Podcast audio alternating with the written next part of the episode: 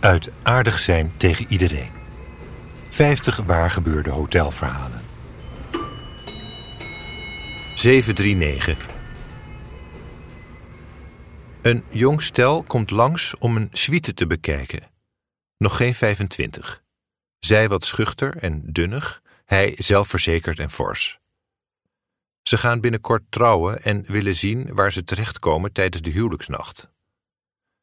Beiden hebben hun ouders meegenomen. Dat lijkt op het eerste gezicht heel gezellig, maar de moeder van de bruid heeft rode ogen. Niemand heeft tegen haar gezegd dat haar mascara is uitgelopen.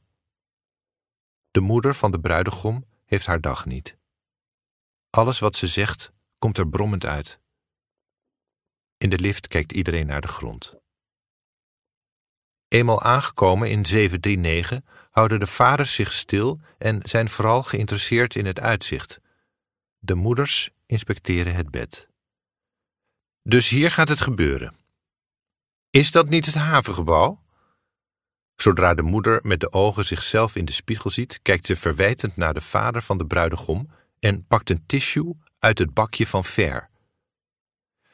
Iedere groep is ondergrondelijk, zoals ieder individu ondergrondelijk is.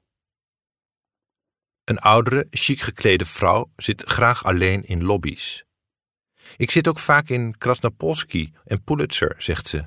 Mijn man wil nooit mee en ik vind het niet erg om alleen te gaan. Een vriendin van mij heeft hetzelfde, maar dan met stationshallen.